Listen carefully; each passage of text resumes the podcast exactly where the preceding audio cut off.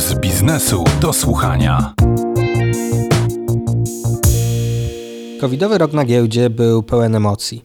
Tych dobrych, związanych ze spektakularnymi wzrostami kursów akcji, i tych złych, gdy spółki, które szumnie zapowiadały przyszłe sukcesy, okazywały się nie do końca wiarygodne, a inwestorzy zostawali w portfelu z akcjami, które traciły w oczach na wartości i szukali winnych. Sam dostałem kilka wiadomości od przygodnych czytelników, którzy oskarżali mnie, że rzucam kłody pod nogi świetnych spółek, które jeszcze pokażą milionowe zyski. I jestem, tu dokładny cytat, podłym, złym człowiekiem.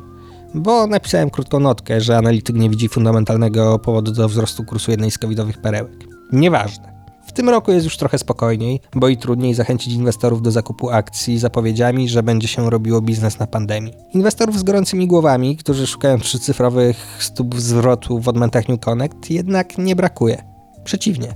Wydaje się, że ich przybywa, na co dowody można znaleźć nie tylko na legendarnym forum bankiera, ale też na mnożących się jak grzyby po deszczu grupach inwestorskich na Facebooku. Na koniec dzisiejszej audycji mogę tylko poprosić inwestorów, zwłaszcza tych początkujących, by zachowywali zdrowy rozsądek i sceptycznie podchodzili do tego, co czytają i słyszą.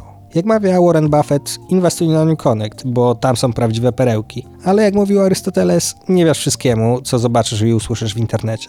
Tymi złotymi myślami kończę dzisiejszą audycję. Za tydzień spotka się z Państwem Marcin Bołtryk, który wraz z gośćmi nie będzie robił polityki, tylko będzie budował drogi, a właściwie opowie o tym, jak wygląda ich budowa w Polsce i dlaczego tak kiepsko. Serdecznie zapraszam i dziękuję za uwagę. To był Puls Biznesu do słuchania.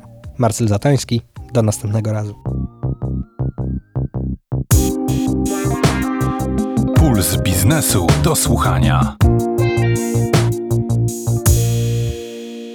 Na program zapraszał sponsor bank BNP Paribas, oferujący produkty i usługi dla przedsiębiorstw i korporacji.